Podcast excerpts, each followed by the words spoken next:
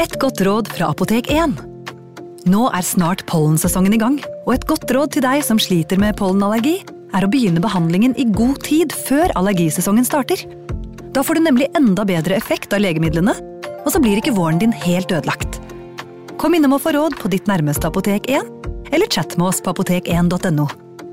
Apotek 1 vår kunnskap, din trygghet.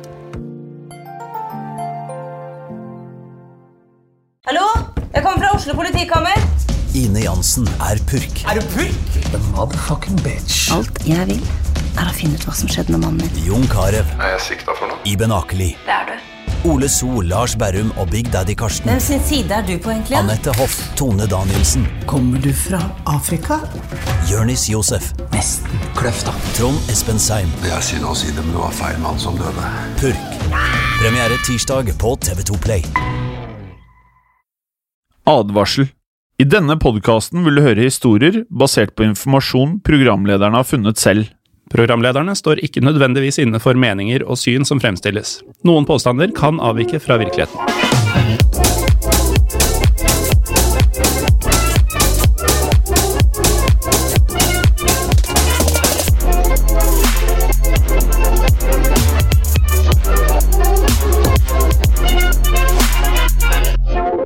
Hei, Morten. Hei.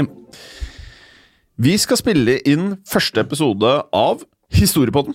Det skal vi. Det skal vi. Vi eh, er ikke uvant med å være i studio sammen, eh, vi. Vi har jo en lang historie med å lage podkast sammen hjem. Det har vi. Helt fra at man har sittet i en stue, til eh, første studio som ble bygget av selskapet som eh, har disse stud eh, studioene her, og til nå et ganske stort studio. Et ganske stort studio i ganske store lokaler. I ganske store lokaler. Kanskje har alt ledet opp mot dette. Kanskje alt ledet mot dette, Morten.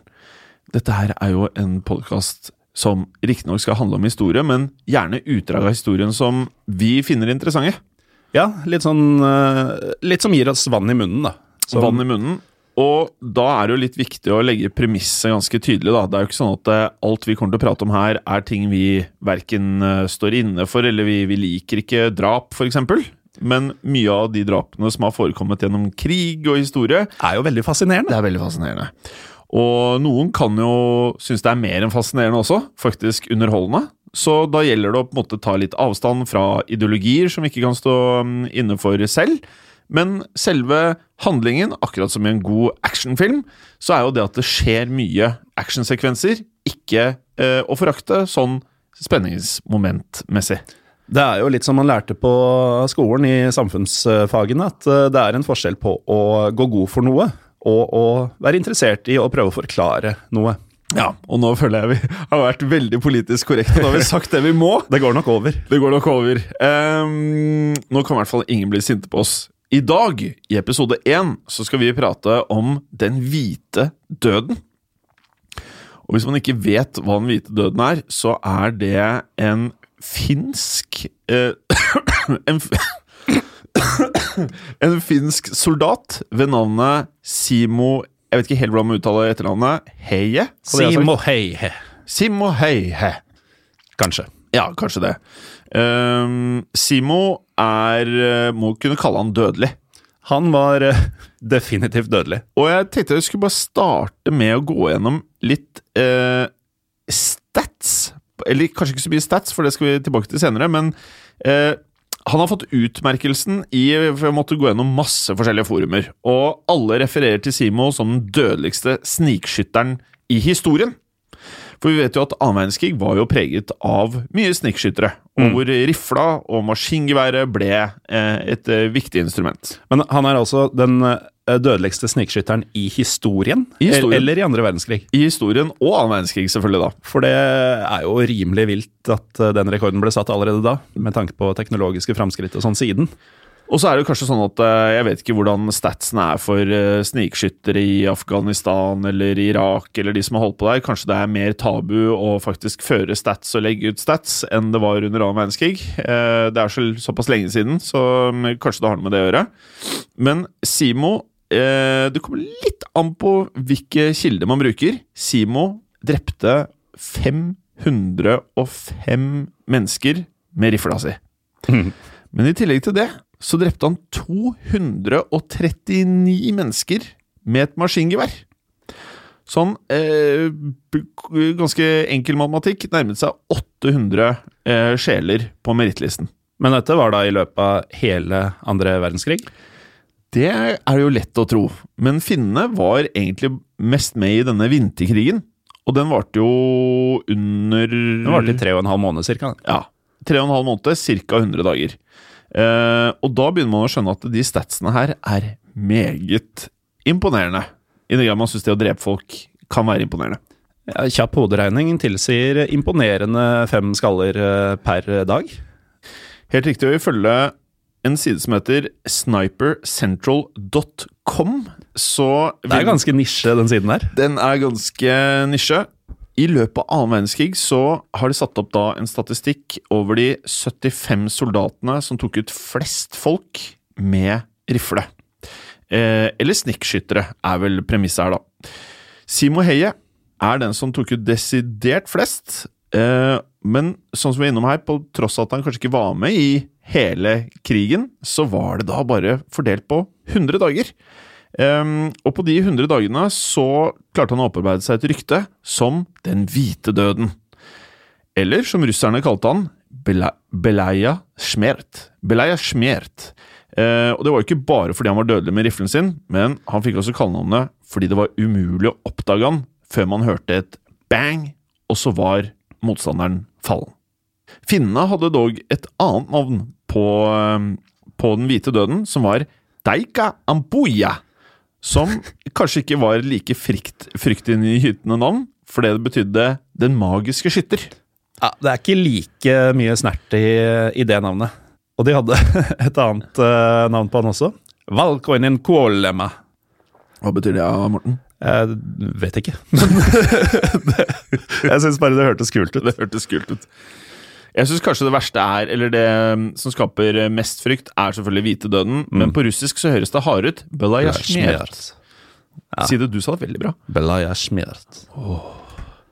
Jeg liker jo veldig godt å reise til eh, østeuropeiske land. Og da tar jeg gjerne på meg eh, Når jeg ser stedsnavn og sånn, så prøver jeg å si det sånn jeg tror det skal sies. Du er god på det. når jeg leser Belaya smert, så tenker jeg det er Belaya smert. Belaya Smert. Belaya smert.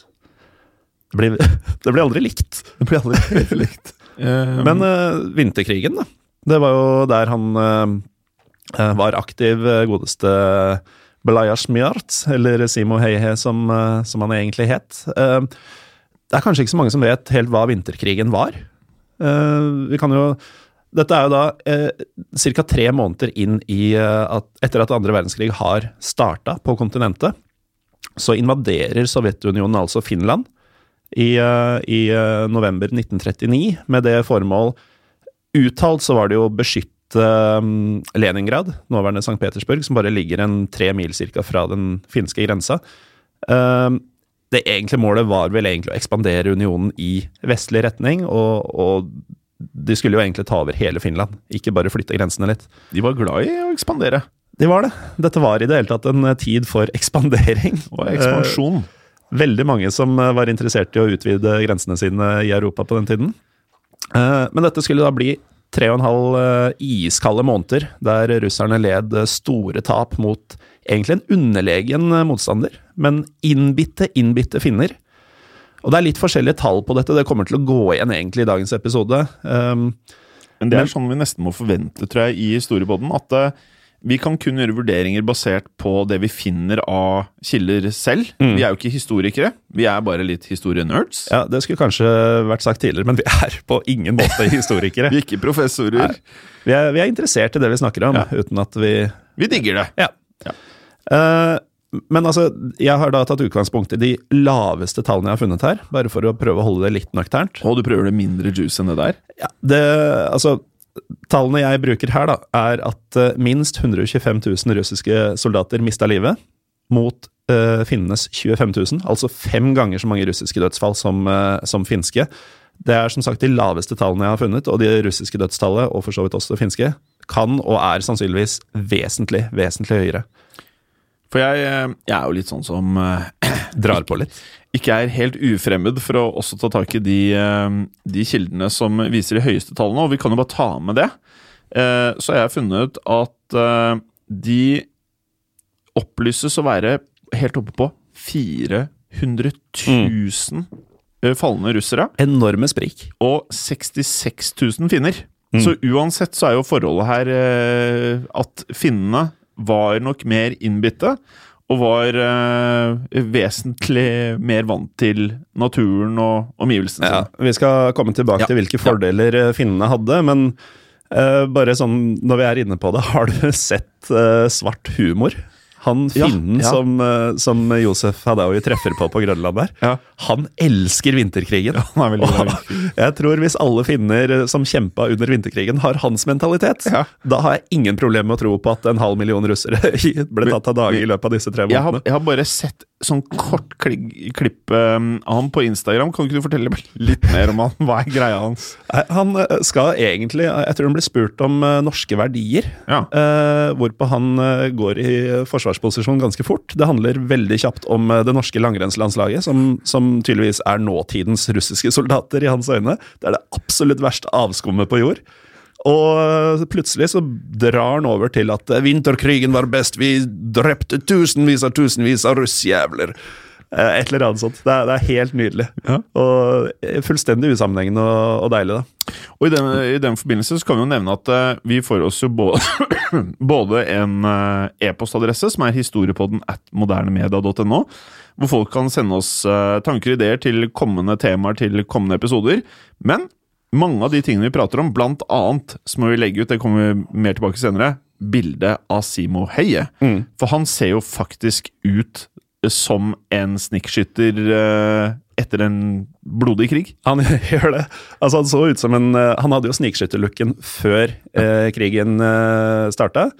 Eh, etterpå så ble han sendt ut som en snikskytter med en liten yrkesskade. Ja, definitivt. Så ehm, den eneste vi fant som var ledig av Instagram-navn, var Historiepodden Norge. Så to ender etter hverandre. Så vi får se om folk finner frem der. Ja, men uh, de aller fleste som har klart å finne frem til denne, er, uh, evner også å trykke to ender på rad, tror jeg. Så det, Noen kan nok klare det. dette får dere til, kjære lyttere. Ja, ja, ja. Um, tilbake til krigen, eller? De, eh, selv om eh, sovjetiske den, Altså den røde hæren, eh, Røde armé, eh, led enorme tap, så gikk russerne til slutt seirende ut av krigen. eh, Om en kan si at en hadde noen seierherre, da. Eh, I mars 1940 så skrev nemlig partene under eh, den såkalte freden i Moskva. Ganske døvt navn på en fredsavtale, som eh, innebar at eh, Finland sa fra seg ca. 11% av territoriet. Eh, tilsvarende ca. 30% av økonomien sin. Det var eh, Altså, det svir jo, eh, men de fikk beholde suvereniteten sin og uh, tapte ikke så mye Eller de tapte ikke ansiktet i det hele tatt, egentlig. De hadde klart å stå imot Den røde armé i så stor grad. Så de var ikke underlagt eh, unionen Sovjet? Nei, de, eh, altså, den sovjetiske grensa ble ekspandert eh, vestover noe, men som vi sa tidligere, planen var jo egentlig å ta hele Finland, og det var det ikke i nærheten av å få til. Nei. Så det kunne vært mye verre for finnene. Sovjets hær var over dobbelt så stor som finnenes i antall, og der finnene hadde 32 panservogner, så hadde russerne flere tusen. Så tygg litt på den. Uh, igjen er det forskjellige tall hos forskjellige kilder, men vi snakker minst 2500 tanks mot eh, finnenes eh, 32. Ja, Vi skal komme tilbake eh, Apropos det her med tall. Vi skal jo komme tilbake til ett slag under vinterkrigen hvor Simo Heie var en av 31 finner mot 4000 russere. Ja, og det er ganske Det, er tall som er mer eller mindre Ja, det er reelle, ja. Ja. Ja, er ja, det kan vi si at dette her er legitte tall, da. Men eh, utstyrsmessig og uh, antallmessig fullstendig overlegne russere, da. Som selv om de teknisk sett vant denne krigen, så, så var det jo ingen rundt omkring som så på det som en sovjetisk seier. og eh, Den røde armés skuffende innsats i Finland den skal ha inspirert Adolf Hitler til å tro at eh, Sovjetunionen kunne overvinnes. Um, Den ledet indirekte til aksens angrep på Sovjetunionen ca. 15 måneder etter at vinterkrigen var eh, over. eh, Da stikk i strid med den avtalen eh, Stalin og Hitler hadde med hverandre. Så finnene er årsaken til at vi da ikke prater tysk? Det er vel kanskje å strekke det langt, men Men det var jo ikke noe sjakktrekk, skulle det vise seg, å angripe Sovjetunionen for Hitlers del. Eh, ironisk nok så kan russernes erfaring fra vinterkrigen ha ført til at de stilte best forberedt til slaget ved Stalingrad, som da snudde krigen i motsatt retning igjen, men det er en annen historie. Ja. Um, men altså, for å Nå har vi vært litt inne på styrkeforholdet, og vi kan jo da gå mer inn på grunnen til at finnene kanskje hadde noen fordeler, da. Som, som, Som var mange? mange. mange. Altså, hvis vi tar været, det, det er jo umulig å komme utenom. Eh, det, er jo ganske idiotisk egentlig å angripe Finland midt på vinteren. Selv om det teknisk sett ikke var Noe tyskerne også fikk eh, merke. Ikke sant? Men eh, altså, værforholdene ved den finsk-russiske grensa om vinteren, det, det er strenge saker, altså. Har du vært det, det har jeg ikke. Men Du har vært mange steder. jeg har vært mange steder. Akkurat i, eh, på disse slagmarkene har mine føtter ikke eh, tråkket ennå, men eh, med trykk på ennå. Jeg skal jo innom alle land i Europa før eller siden. Men altså, alltid om vinteren er det, er det ganske grusomt der. Vinteren 1939-1940 så var den imidlertid helt ekstrem. Eh, Det ble målt temperaturer ned til 43 minusgrader i januar. Da hjelper det ikke med Canada Goose engang, da. Nei, da, da er Canada Goose faktisk uh, ikke godt nok. Da kan du kjøre Kai Traa, Bjørn Dæhlie og gås og alt. Ja, og Men, Stormberg. ja. Og du får eh, Det blir litt uh, kaldt, ja. Ja. Finnene var jo veldig sånn på at det finnes ikke dårlig vær, bare dårlige klær. Uh, russerne ikke fullt uh, så enig i det. De var faktisk Altså, de fleste enhetene til eh, sovjeterne hadde mm, skikkelige vintertøy, men ikke alle. Ja. det var stor forskjell mellom enhetene, og eh, blant annet var det et slag ved Suomasalmi. Suomasalmi. Der eh, tusener av sovjetiske soldater døde av frostskader. Den andre hvite døden, om du vil. Oi. Men altså, finnene var jo mer vant til kulda og omgivelsene enn det, det russerne var. Men russerne, jeg tenker jo at Er ikke de de er, Når jeg tenker meg om, de er jo veldig vant til vinter sånn eh, Mm. Altså, de har jo områder Russland er så svært, da. Men det er jo områder der som er eh, sånn Sibir og sånn. Ja, ja. Du har eh, områder i Russland og, og i Sovjetunionen, som det da het, som er minst like kalde som dette. Men soldatene kommer jo ikke nødvendigvis derfra. Nei, ikke. De soldatene som kjempa på finsk side her, var jo i stor grad lokale, Mm. som eh, Og så vet man jo at uh, det, er jo, det er jo ikke første eller siste gang i historien at uh, mange soldater ikke nødvendigvis har fått akkurat det tøyet man trenger for å være utrusta til å krige i akkurat de områdene. Ikke sant. Um, men man, man kan jo, altså, som et lite tankeeksperiment, da, kan forestille deg Dette er noe de aller fleste har vært med på, tror jeg. La oss si det er februar i Oslo. Du har vært på byen. Uh, det er tolv minutter til nattbussen går. Og du tripper og går fram og tilbake og tror du skal fryse i hjel. Ja. Uh, du sjekker klokka, det er ni minutter igjen. De- Den står stille. Du tripper og du småhopper og du gnir hendene sammen. I tillegg så kjenner du at du burde gått på do før du forlot baren, men det tenkte du ikke på før det var for seint. Bruker litt krefter på det, blir ekstra kald. Det er sju minutter til bussen kommer. Det er uutholdelig. Og så spoler du da 80 år tilbake i tid. I 43 minusgrader ligger Simo Heihe, 34 år gammel, ikledd det de har fått tak i av brukbare vinterklær, som jo, de, de skal holde den varm, men eh, viktigst av alt er det at klærne er hvite, sånn at den ikke skal bli sett. Og det er poenget. Ja. Og så eh, sier jeg at han ligger, fordi det er jo det snikskyttere oftest gjorde. Eh, han var ikke nødvendigvis den som lå mest på bakken, Nei. men like fullt, da, så, så sitter han jo der. Eh, bakken er frossen, snøen laver ned, eh, legger seg som et kaldt pledd over han. han. Han har snø i øynene, han har snø på hendene. Han likte det. Jeg tror nesten han likte det, altså. Litt sånn masochisme tror jeg går godt uh, i, i oppskriften på en god snikskytter. Uh, men altså, han sitter der uh, urørlig. Ikke, ikke sju minutter eller ni eller tolv som du tripper fram og tilbake mens du venter på nattbussen hjem. Det er, det er timevis, og det er dagevis. Pop! Der døde en sovjetisk soldat. Enda en i margen på, i dagboka. Og scenario der man venter på bussen hjem da, i, i fem kalde, det er jo gjenkjennelig for de fleste. Å forestille seg dedikasjonen til eh, Simo Høie. Altså den ekstreme motivasjonen til å beskytte hjemlandet og folket sitt, som, eh, som ga nærmest overmenneskelige krefter.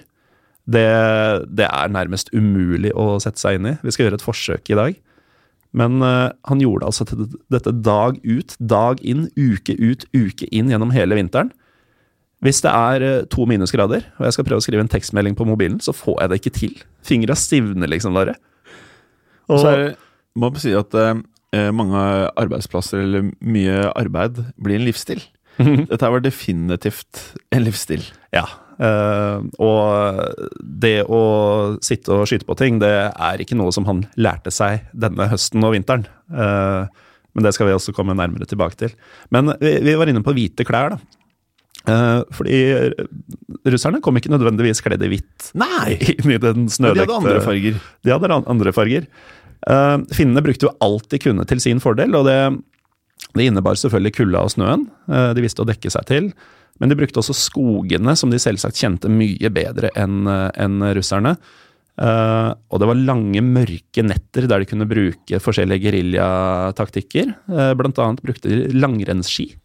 Altså, som eh, denne finnen fra Svarthumor uh, var inne på, finnene kan gå på langrenn, selv om det ikke er helt, uh, norske, eh, helt norsk nivå på dem. Men eh, de hadde da egne langrennssoldater som, eh, som hadde en hvit snøkappe over seg. Så de var nærmest lydløse og usynlige og for da gjennom skogen på spor som de kjente ut og inn. Det høres ut som en hvit død. Ja, det var Bare det hører de ja. Ja, og, og- og det var jo svært effektivt for, eh, for raske snikangrep, men de, de trenger jo mer for å holde tilbake russerne. Og Simo Heihe og rifla hans var mer. Eh, snøen, kulda og mørket var en stor stor utfordring for uh, de sovjetiske styrkene, men en stor stor fordel for en mann som behersket både disse elementene, og var så til de grader herre over egen kropp og hjerne som det den hvite døden eh, var. Og russer etter russer falt for hans kuler. Beregnende, avventende og hypereffektiv.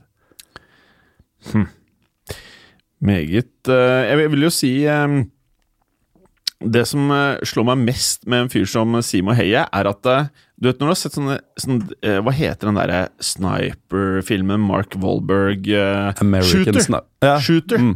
Um, og nå er kanskje ikke Mark Wahlberg den beste skuespilleren, men litt det derre Han er beinhard med, med rifla, og han er en skikkelig soldat. Men ellers er livet hans ganske sånn rolig. Han Mm. liker å bo på fjellet, og det virker som at alle sånne kalibrerte drapsmenn liker å ha det rolig når Ja. de ikke er i feltet.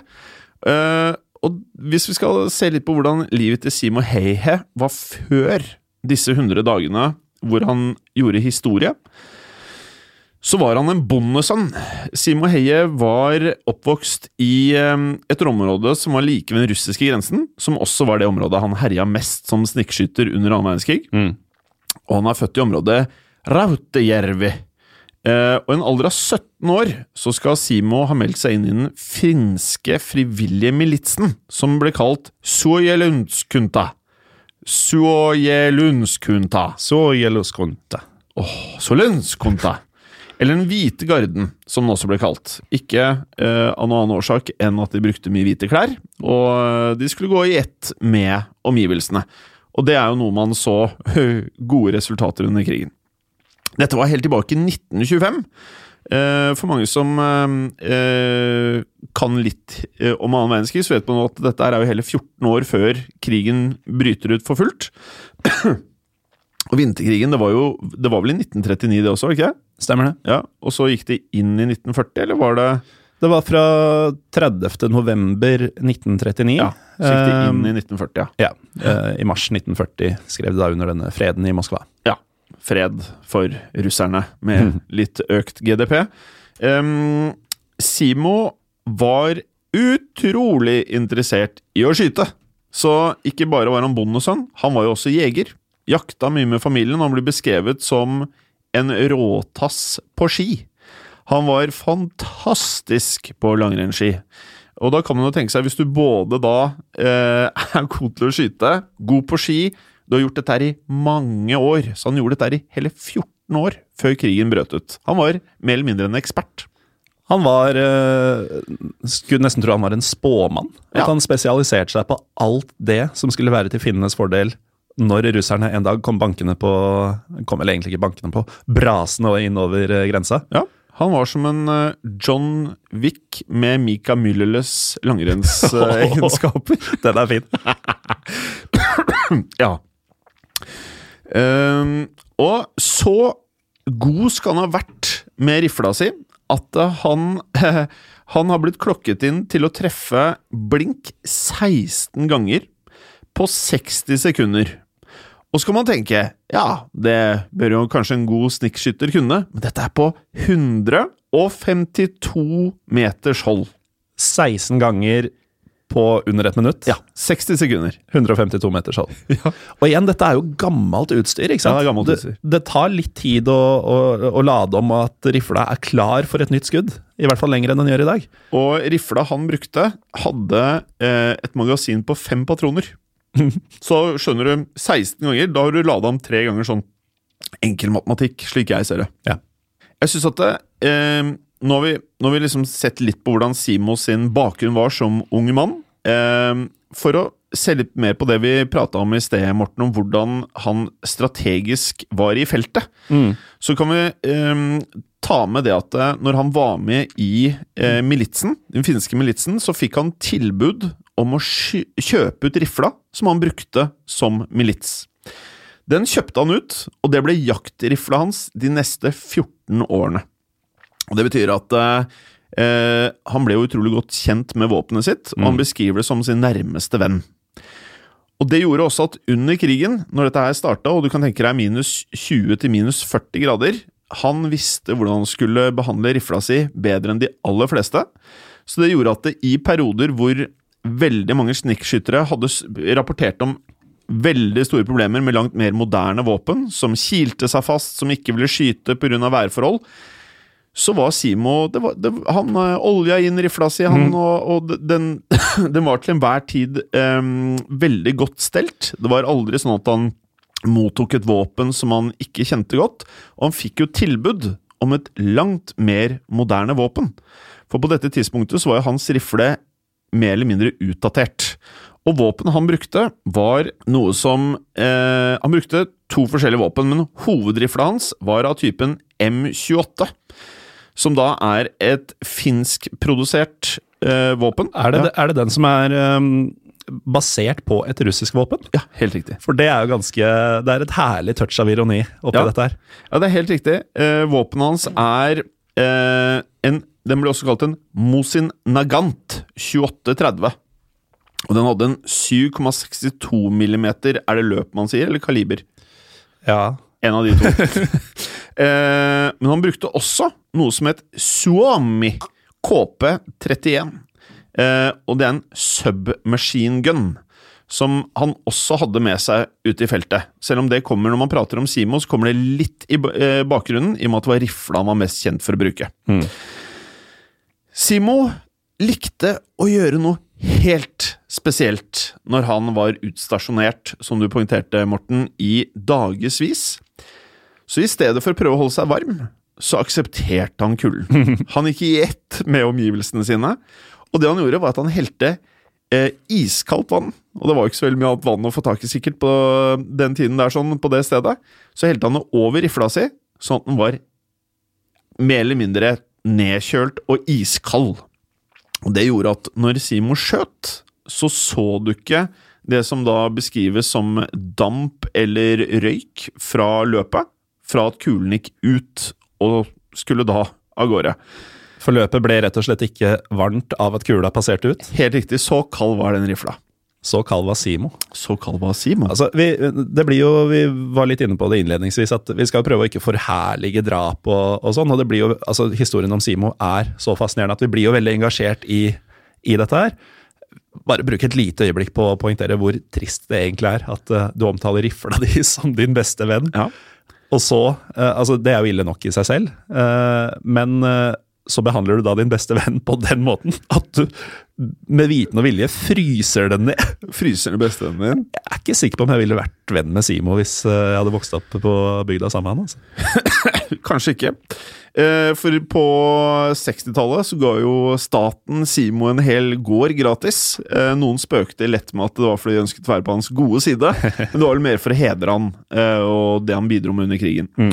Tilbake til hvordan han var i feltet, Morten. Så var det sånn at det ikke bare var Riffra nedkjølt, han kjølte ned hele munnen sin. For det han vanligvis gjorde, var at han fylte munnen hvis han så fienden. Fylte han munnen sin med iskald snø, og teorien her var akkurat den samme som med rifla. Du skulle ikke se at Simo pustet. Og han la seg ofte da på huk, som vi pratet om, ikke eh, på bakken, sånn som de fleste snikskytterne gjorde.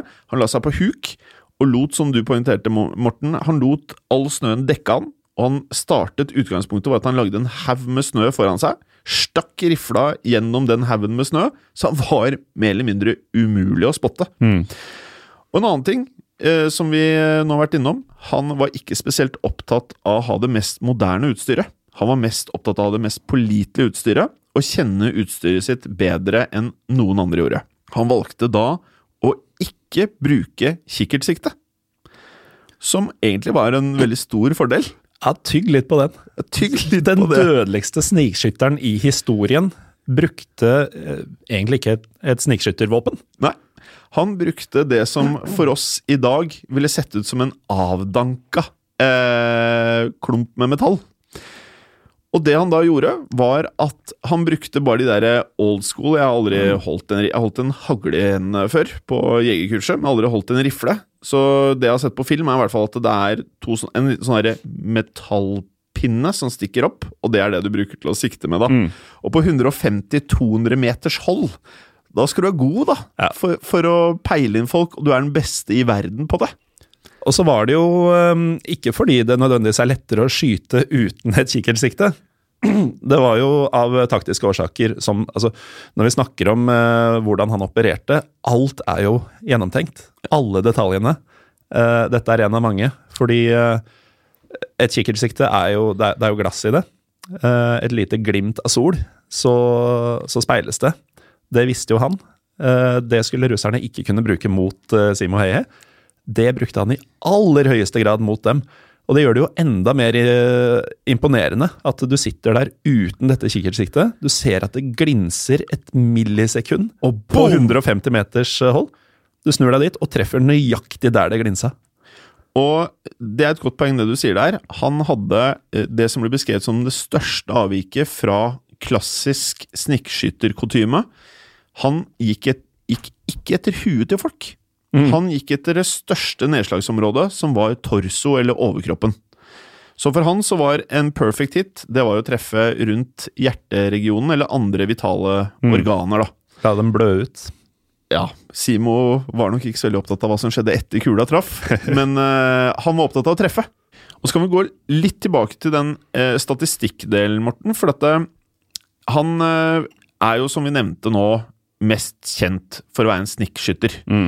Mens i motsetning til snikskyttere flest, og det, er, det sier vel litt om hvordan finnene kjempet krigen, hvor innbitte de var på å forsvare landet sitt, og at Simo kanskje i større grad enn noen annen var den ultimate soldat, spesielt i en setting hvor du er i kraftig undertall, men du kjenner omgivelsene dine bedre enn motstanderen, selvfølgelig.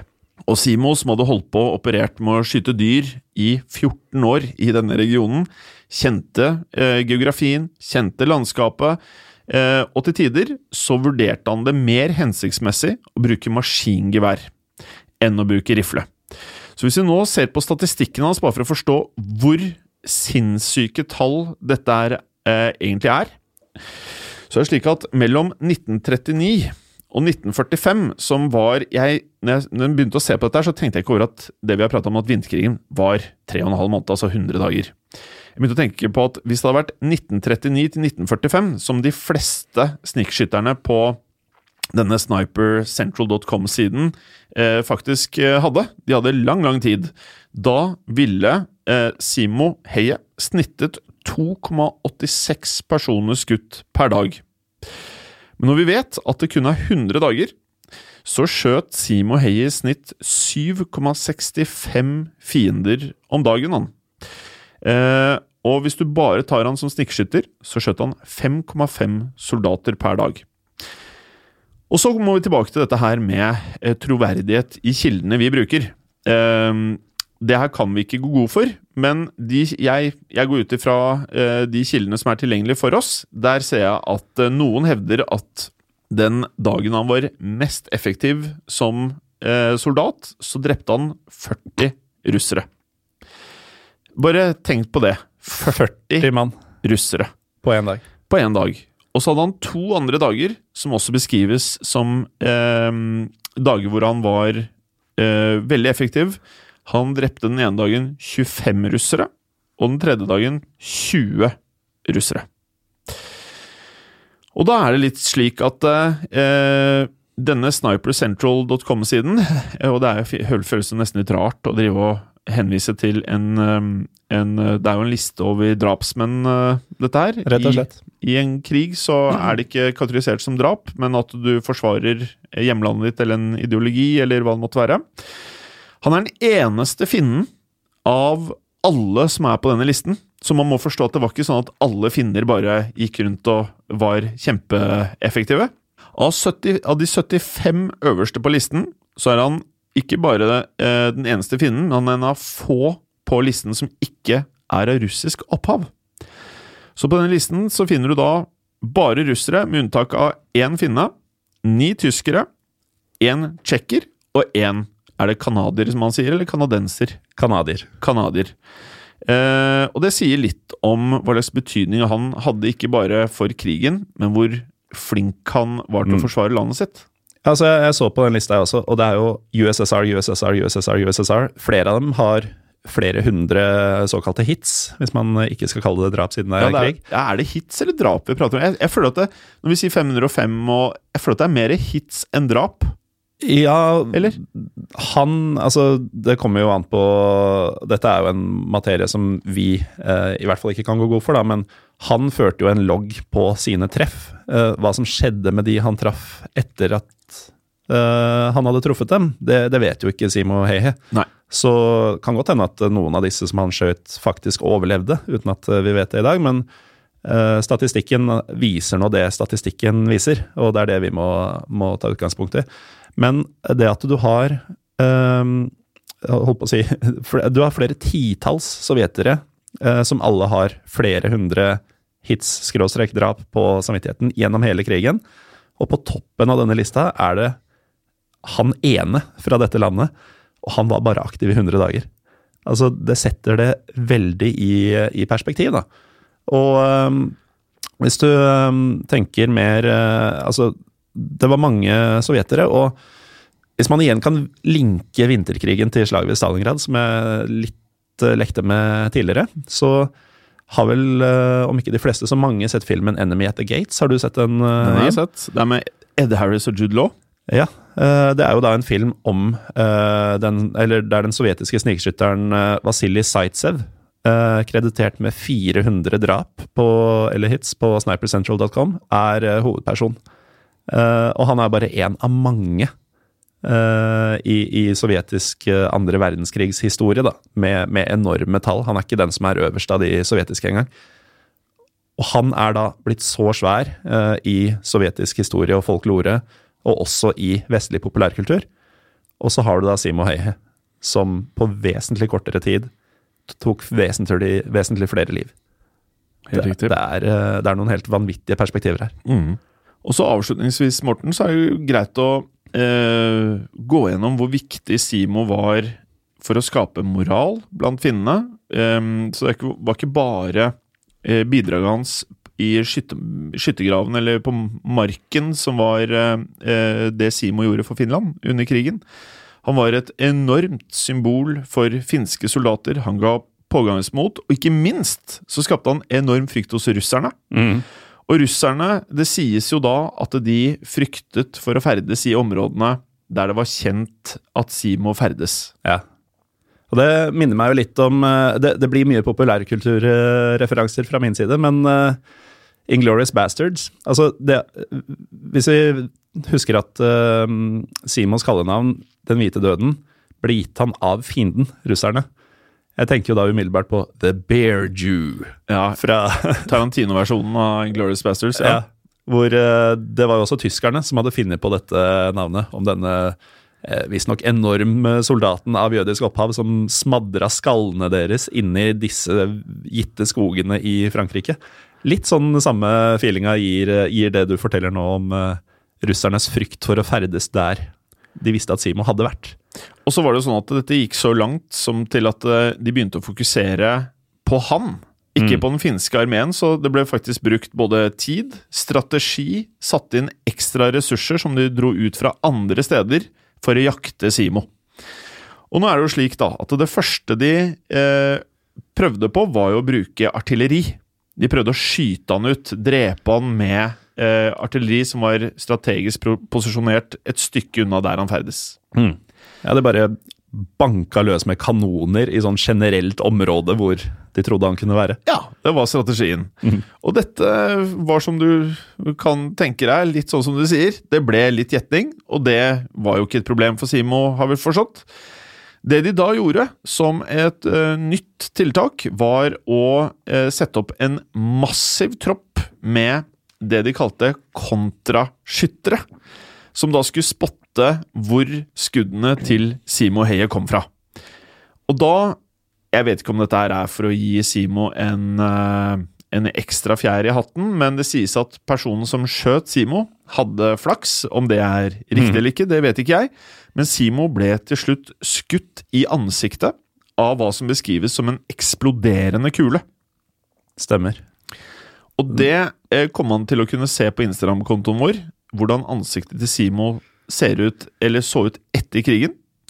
Han fikk rett og, rett og slett rivd av, flerra av deler av ansiktet sitt. Helt riktig. Og han eh, ble lagt i koma og måtte gjennom større perioder med eh, kirurgi for å rekonstruere ansiktet.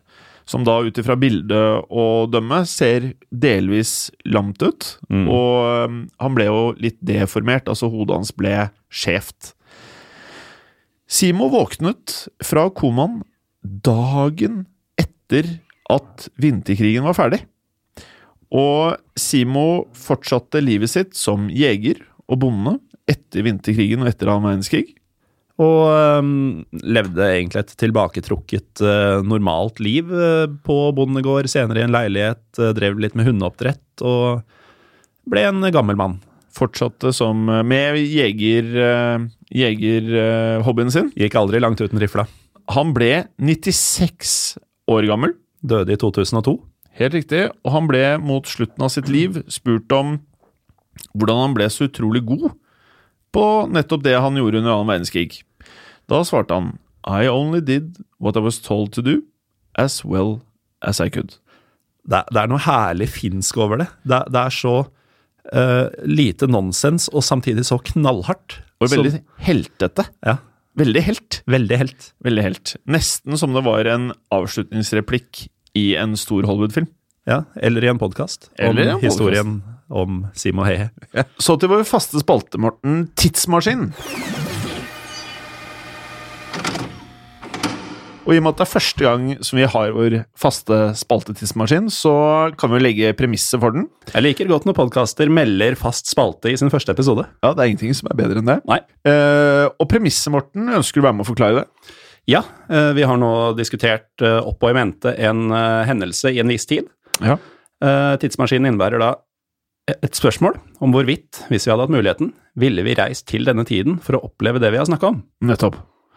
Og da må jeg spørre deg, Morten. Hadde du satt i gang tidsmaskinen her og reist tilbake til vinterkrigen? Utenom eh, middelalderen, som også da kalles the dark ages, så tenker jeg på tiden rundt andre verdenskrig som kanskje den mørkeste i historien. Så mitt svar er et uh, ubetinga nei. Jeg ser oh, ja. ikke én god grunn til å reise tilbake til 1939-40. Så er ikke litt frista til å liksom bare få sett Ikke å se andre mennesker dø, men å se tidenes beste sniper. Bare se liksom hvordan han brukte landskapet, snøen, det at han kjente geværet sitt så godt. Bare se han i aksjon. Men da må jeg spørre deg, ville vi sett han? Han var jo usynlig. Ah, nei, kanskje vi hadde slitt litt med å se han da. Eh, Nei, det er klart det hadde jo vært eh, gøy å oppleve historie, men eh, det var lite annet enn maltrakterte kropper eh, som også var forfrosne akkurat under vinterkrigen. Så jeg melder, melder høflig avbud til denne tidsreisen. Hva med deg, Jim? Jeg skjønner deg godt, Morten, og intuitivt så sier man jo nei til å være med i en krig. Og som du sier, det er jo noe av det mørkeste som har skjedd i historien. Allikevel, etter vi har lest oss opp på Simo Heye, så har han unike talenter. Det har han uh, utvilsomt, og han er jo en enorm del av finsk uh, nasjonalhistorie. Og vi vet jo at han er et yndet objekt i gaming world. Det er han jo også, som vi var inne på tidligere. Så på samme måte som historien om 300, når uh, de 300 spartanerne, er det ikke det, Morten? Mm. Som skal kjempe mot den store hæren til Serkses, blant annet. Mhm. Så er det jo strategien. Mm. Det er det som skrives ned i historiebøkene. På samme måte. Simo Heie er skrevet ned i historiebøkene for vår del. Og vi hadde da hatt muligheten til å se den største sniperen gjennom tidene, og strategien hans. For det er åpenbart at han var god pga. hans taktikk og strategi i feltet. Og en liten bonus. Han uh, finnen fra Svart humor, som jeg også nevnte tidligere. Du hadde hatt et rimelig bra grunnlag for å snakke med han over en pils. Det hadde man også, Morten. Allikevel, selv om det høres veldig bra ut, så velger jeg, sånn som deg, å bli i 2019. Og ja, jeg river ut stikkontakt, da. Gjør det. Eh, skal vi si noe kjapt om hvordan vi tenker at denne podkasten skal være? Det er lurt, Jim. Sånn vi har diskutert det nå, så tenker vi at vi skal gjøre dette her sesongbasert. Mm. Det tar jo en del tid å forberede dette her, det tar en del tid å spille det inn, og det tar også litt tid å produsere disse episodene. Ja, det er ikke noen lek. Vi tenker da at vi produserer rundt ti episoder per sesong. Hvor lang tid det går mellom hver sesong, det har vi ikke helt bestemt oss for. Men vi setter igjen veldig pris på innspill til episoder dere ønsker dere. Og der var det en mailadresse, var det ikke det, Hjem? Historiepodden at modernemedia.no, som jeg eh, sliter med å finne passordet på, men vi skal klare å eh, fremdrifte det. eh, drifte det frem. Ellers kan du DM oss faktisk da på Instagram. Historiepodden Norge. Ja, Med denne dobbel N-en som kan bli litt kinkig for Helt riktig. Tunga rett i munnen, folkens. Tunga rett i munnen. Jeg har fem Instagram-kontoer linka til Instagram-appen min, så jeg kan ikke legge til flere. Så det betyr, Morten, at du får litt rollen der. Mm. Men jeg, skal, jeg tror jeg skal slette en av de jeg har, så jeg også får den opp. Jeg bare vet ikke helt hvordan jeg gjør det. Eh, når det er sagt, så eh, vet vi ikke helt Skal vi slippe denne episoden Det får vi nesten ta en vurdering på over et påskeegg etterpå, Morten. Om vi skal slippe denne episoden ettersom uh, piloten ble jo sluppet for en stund tilbake, nesten to uker siden. Ti dager. Skal vi da slippe denne for å holde et momentum, eller skal vi spille inn alt før vi begynner å slippe det ukentlig? Det får vi ta en liten vurdering på. Det får vi ta en avgjørelse på bakrommet. God påske, eller god 17. mai, eller god sommerferie, ut ifra når denne blir sluppet. God hva det nå er, kjære lytter. Ha det bra. Ha det, Morten, Jim. det har skjedd. Og det kan skje igjen.